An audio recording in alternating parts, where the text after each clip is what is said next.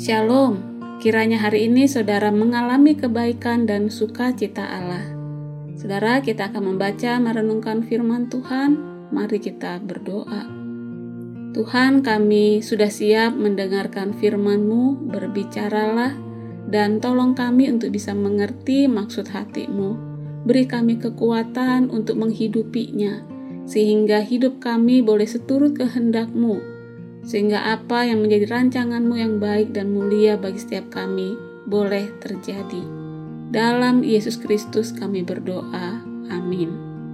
Pembacaan Alkitab hari ini dari Ibrani 10 ayat 19 hingga 25. Saya akan bacakan ayat 19 hingga 22. Jadi saudara-saudara, oleh darah Yesus kita sekarang penuh keberanian dapat masuk ke dalam tempat kudus, karena Ia telah membuka jalan yang baru dan yang hidup bagi kita melalui tabir, yaitu dirinya sendiri.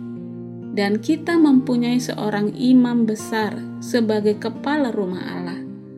Karena itu, marilah kita menghadap Allah dengan hati yang terus ikhlas dan keyakinan iman yang teguh oleh karena hati kita telah dibersihkan dari hati nurani yang jahat dan tubuh kita telah dibasuh dengan air yang murni.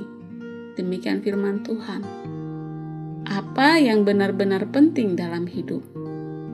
Kita sangat sulit untuk menganggap penting apa yang Allah katakan sebagai hal yang penting dalam hidup kita.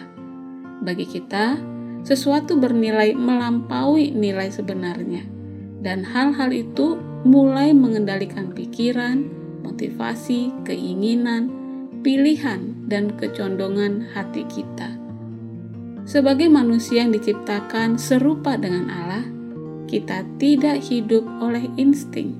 Tidak, kita makhluk yang berorientasi pada nilai, sasaran, tujuan, dan sesuatu yang penting kita selalu hidup dalam petualangan untuk memperoleh sesuatu. Kita selalu mengejar visi, keinginan, dan ketika kita melakukannya, kita berupaya untuk memiliki semuanya itu dalam hidup kita. Kita bisa mengatakan kalau semua yang kita lakukan dan katakan adalah upaya kita untuk memperoleh apa yang penting bagi kita dari situasi, hubungan, dan lokasi tempat kita tinggal. Sungguh suatu pergumulan spiritual yang besar dan perlu diperjuangkan. Kita dapat melihat bahwa hal penting apa pun yang menguasai hati kita juga akan membentuk perkataan dan perilaku kita. Yang terpenting, kita tidak kehilangan pandangan atas apa yang benar-benar penting. Memenangkan perdebatan menjadi terlalu penting untuk kita. Rumah yang indah begitu penting melebihi nilai sebenarnya. Memperoleh promosi jabatan menjadi terlalu penting. Memiliki kehidupan yang nyaman dan bisa diprediksi nilainya begitu penting disukai oleh orang lain lebih penting bagi kita daripada disukai, diperkenan oleh Allah. Kecantikan dan kesenangan tubuh memikat hati kita. Mobil yang keren, daging stick yang enak, baju yang bagus, punya nilai yang jauh lebih penting daripada yang sebenarnya. Kita semua perlu diingatkan lagi tentang apa yang Allah nyatakan sebagai hal terpenting dalam hidup kita. Dalam anugerah, Allah mendesain kita untuk selalu bersekutu dengannya. Dia juga mengingatkan kita tentang hal-hal berharga yang patut menjadi alasan kita hidup.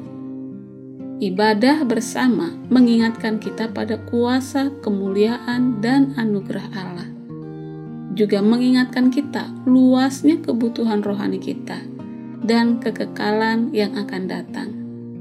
Ibadah ini mengingatkan pula masa lalu, masa sekarang, dan masa depan kita yang sudah Yesus tebus.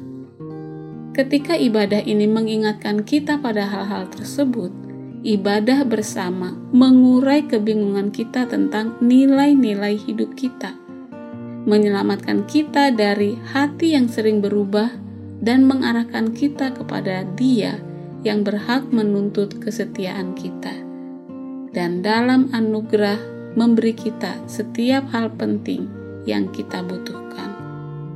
Mari kita berdoa. Tuhan terima kasih firman-Mu mengingatkan kami akan hal yang terpenting dalam hidup ini. Persekutuan denganmu dan itu dimungkinkan terjadi hanya oleh pengorbanan darah-Mu yang kudus. Tolonglah kami untuk bertekun dan menikmati persekutuan setiap waktu bersamamu. Demikian juga menghargai persekutuan dengan saudara seiman. Dalam Yesus Kristus, kami berdoa. Amin.